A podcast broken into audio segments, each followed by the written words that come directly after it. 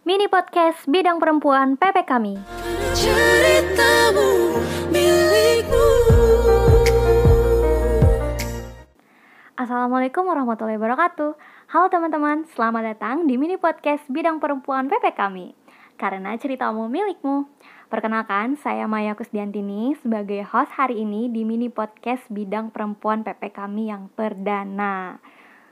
Nah, hari ini kita akan membahas salah satu bahasan yang populer yang juga sangat dibutuhkan nih solusinya oleh kita semua yaitu gimana sih cara menjaga psikologis keluarga selama pandemi atau PPKM bersama TM Mas Rahayu Ketua Bidang Perempuan PP kami yuk kenalan dulu yuk sama TM Mas Assalamualaikum TM Mas Halo Teh Maya dan teman-teman semuanya. Waalaikumsalam warahmatullahi wabarakatuh.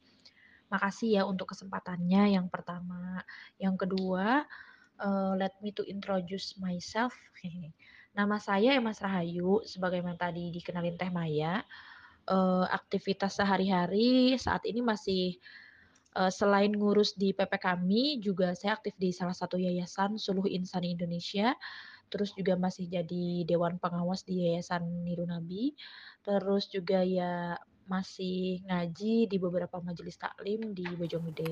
Luar biasa memang TM Mas ini ya Langsung aja ya Teh Nah menurut TM Mas sendiri eh, Apa sih atau gimana sih pengaruh dari pandemi atau PPKM ini terhadap psikologis keluarga Pasti dong ada pengaruhnya kan Nah menurut TM Mas gimana nih? Apa ya mengenai kondisi PPKM sekarang yang tentunya memang eh, telah banyak merubah kondisi dan paradigma kita gitu ya. Nah, tapi BTW eh, ngomong-ngomong soal PPKM dan pengaruhnya terhadap psikologis keluarga itu eh, jelas itu ada ya, ada pengaruhnya. Kenapa saya katakan demikian? Karena bagaimanapun juga eh, dampak dari adanya pandemi COVID-19 ini menyebabkan berbagai eh timbulnya berbagai persoalan psikologis. Contoh misalnya rasa cemas yang meningkat, kemudian kekhawatiran berlebihan, paranoid begitu ya, eh, takut gitu ya, dan juga stres itu sudah pasti. Stres itu utamanya terjadi pada orang-orang yang terla- terlalu takut akan terjangkit eh, virus COVID-19 ini. Nah, di keluarga apalagi gitu ya sekarang eh, penyebaran di gelombang kedua ini sudah tidak lagi menyerang klaster perkantoran gitu, tetapi sudah mulai menyerang klaster keluarga. Nah, sehingga masalah-masalah psikologis juga tentu saja akan muncul di keluarga. Eh, mengingat juga keluarga merupakan eh, apa namanya? komunitas terkecil ya penyusun masyarakat gitu.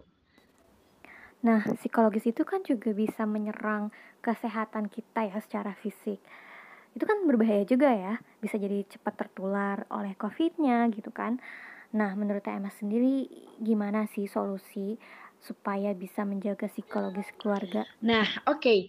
Eh, s- jadi gimana nih solusinya agar keluarga ini tetap punya ketahanan di dalam kondisi PPKM ini, gitu ya? Karena tadi eh, yang sebagaimana saya jawab di pertanyaan pertama, memang PPKM ini menimbulkan dampak psikologis yang bisa dibilang cukup berat untuk keluarga. Jadi solusinya, kita dengan sesama anggota keluarga itu ya harus saling menjaga. Kalau di Al-Quran itu kan ada himbauan untuk agar kita bisa menjaga anggota keluarga kita dari api neraka. Begitu kan?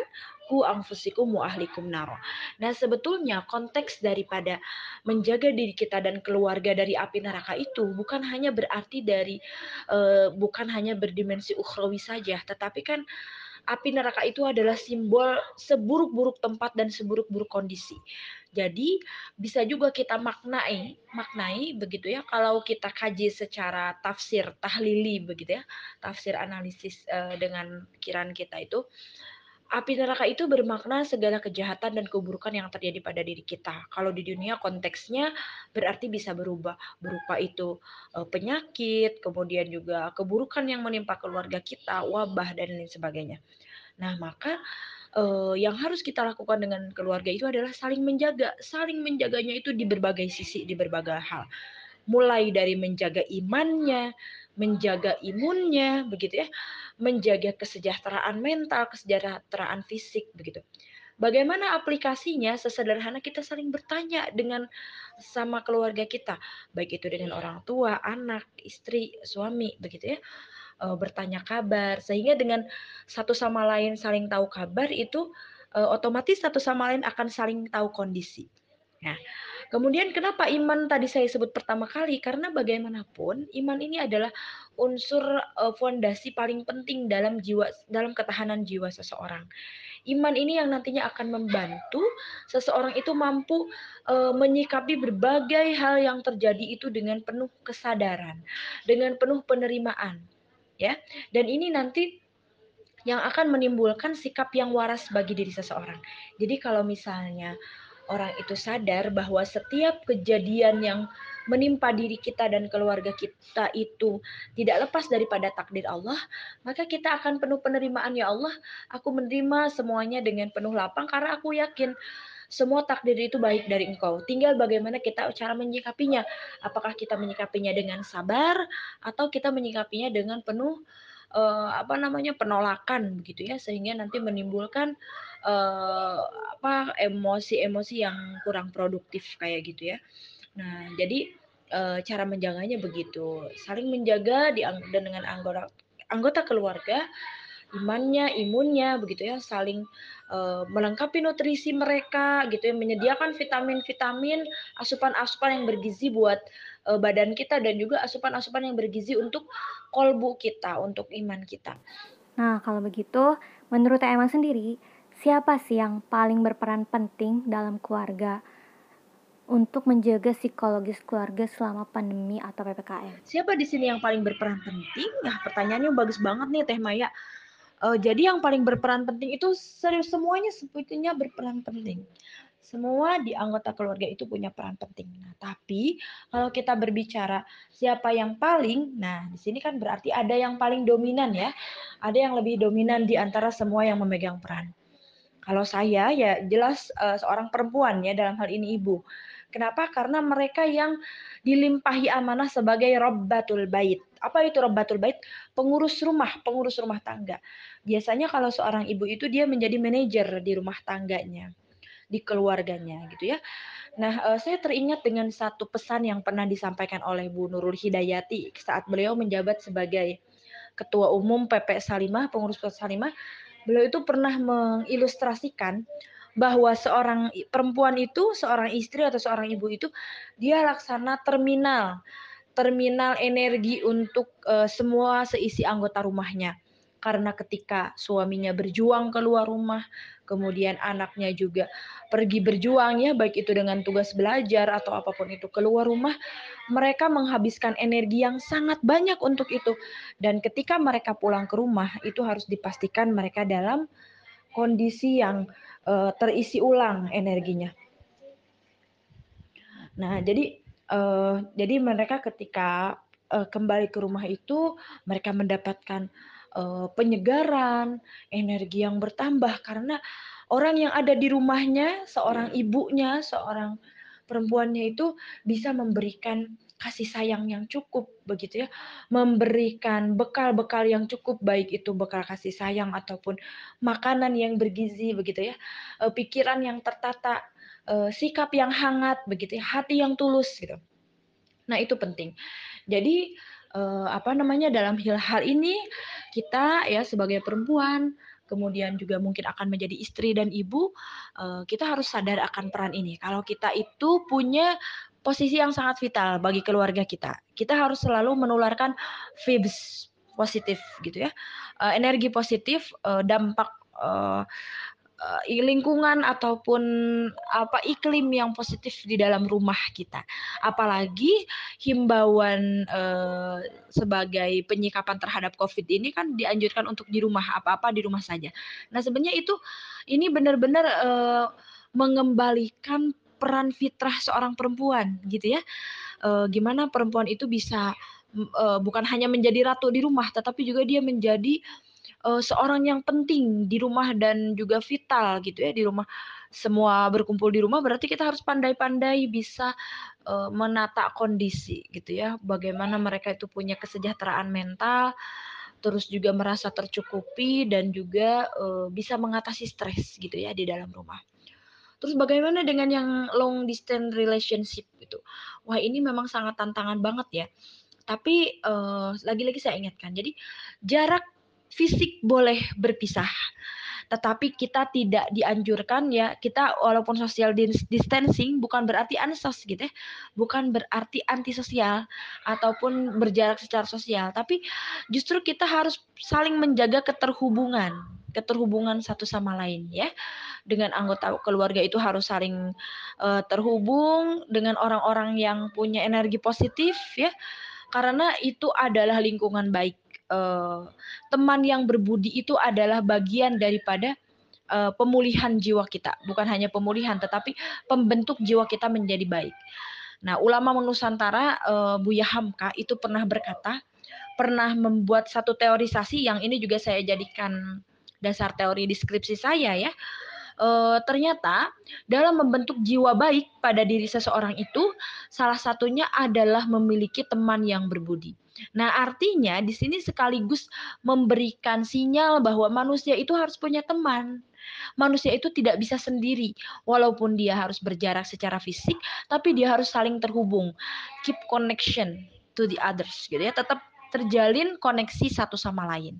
Ini sangat penting. Jadi, gunakan media sosial yang ada untuk saling memberi energi positif, saling memberikan dukungan gitu ya dengan anggota keluarga, dengan teman kita, dengan siapa pun yang bisa membuat kita merasa aman, merasa nyaman, merasa berarti untuk melanjutkan hidup begitu ya.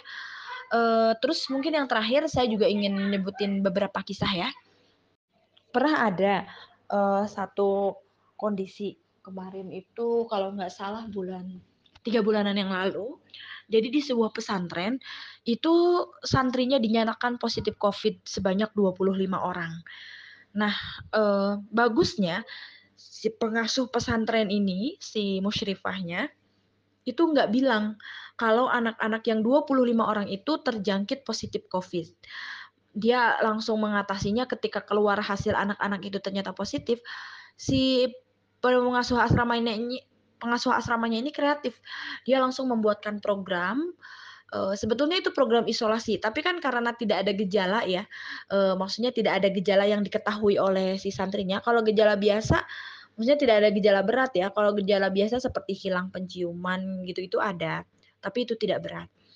Lalu yang 25 orang itu disimpan atau dipisahkan di satu aula di satu aula yang terpisah dari yang lainnya gitu.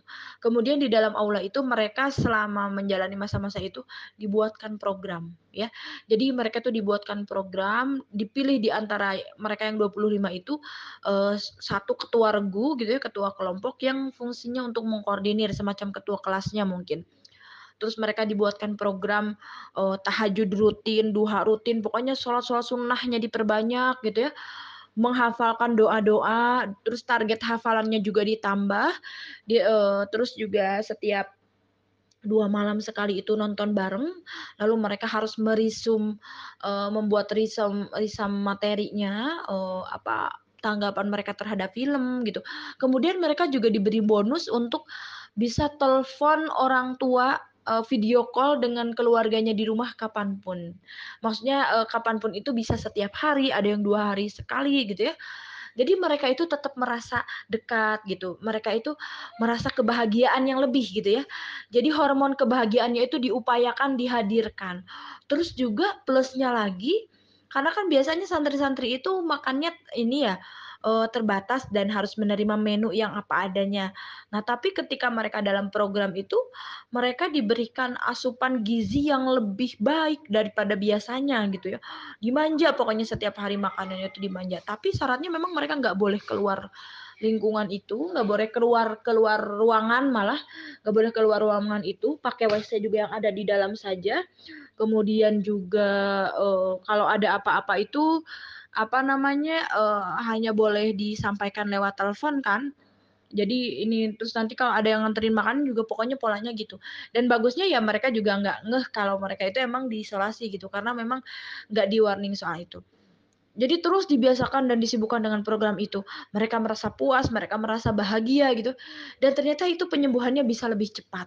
Nggak sampai 14 hari, hari ke-10 itu mereka itu udah uh, kayak nor bukan kayak lagi, mereka udah normal penciumannya, kemudian udah udah lebih segar, udah sehat. Nah, ketika itu semua udah pulih lagi, ketika mereka sudah pulih lagi, di, dikatakanlah kalau ternyata mereka itu positif. Wah, mereka sendiri juga kaget kan yang 25 ini kaget gitu. Uh, ini adalah bentuk dari bukti uh, bagian dari kecerdasan si pengelola asrama gitu.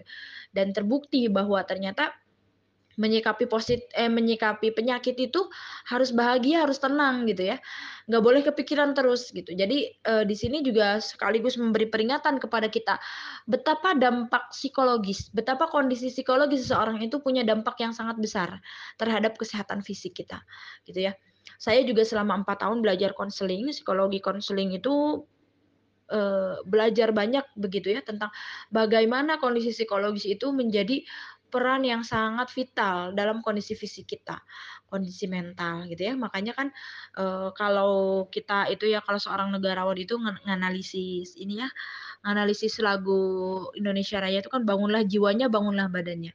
Nah, yang dimaksud jiwa ini adalah mentalitas gitu ya, nafs uh, mental begitu.